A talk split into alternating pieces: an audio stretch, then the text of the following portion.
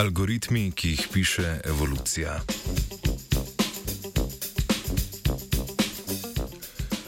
Algoritmi strojnega učenja navdih pogosto iščejo v bioloških sistemih. V raziskavi, objavljeni v sklopu konference International Conference on Learning Representations, se je skupina raziskovalcev in raziskovalk vprašala, ali lahko biološki program za procesiranje signalov iz različnih čutil, ki ga najdemo pri vinski mušici, uporabi na čisto drugem problemskem polju - obdelavi naravnega jezika. Izkaže se, da je to mogoče, pa tudi, da je bila narava v svojem oblikovanju zelo učinkovita. Raziskovalna skupina je navdih za algoritem našla v gobastem telesu vinske mušice, enem najbolje preučevanih sistemov v neuroznanosti. Gre za predel možganov, ki signale pridobiva iz različnih čutilnih sistemov: vohalnega, vidnega in toplotnega. Signali se od čutil po projekcijskih nevronih prenašajo do skupine približno 2000 celic Canyon. V povratno zanko s temi celicami je opet še inhibitorni nevron, ki utiša vse celice razen najbolj aktiviranih. Predvideva se, da ta splet nevronov omogoča združevanje signalov različnih čutil tako, da podoben ozorec signalov sproži podoben nevronski odziv. S tem se na nivoju celic Canyon generira redka binarna reprezentacija, sestavljena iz veliko ničel in nekaj enic, ki ohranja lokalne razlike vhodnih signalov.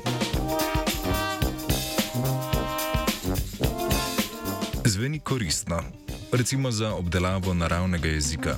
Pri procesiranju naravnega jezika s strojnim učenjem je namreč treba jezikovne enote, naprimer besede, predstaviti na način razumljiv računalniku, ki pa hkrati kodira tudi pomen teh besed.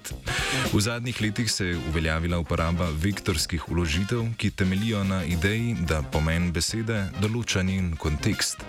Vektorske uložitve so torej numerične reprezentacije besed, ki kodirajo njihov pomen glede na korelacije med kontekstom in besedo, v katerem se slednja pojavlja. Kontekstualna občutljivost pa je ravno značilnost reprezentacij, ki generirajo celice Canyon. Na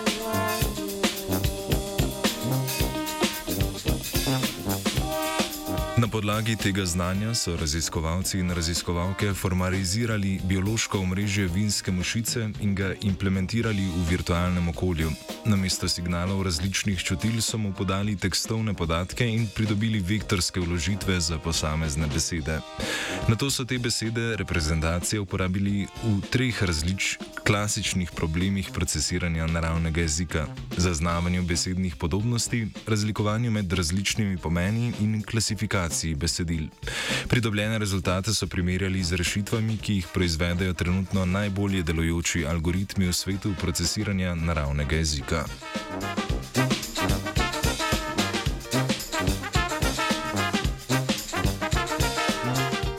Izkaže se, da algoritem vinske mušice večinoma deluje enako učinkovito ali celo bolje kot trenutni favoriti obdelave naravnega jezika.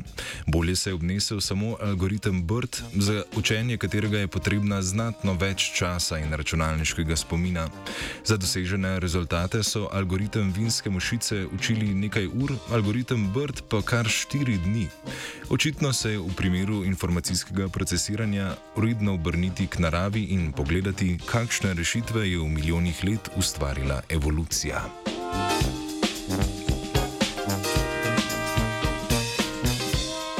K recikliranju evolucijsko razvitih rešitev poziva Ela.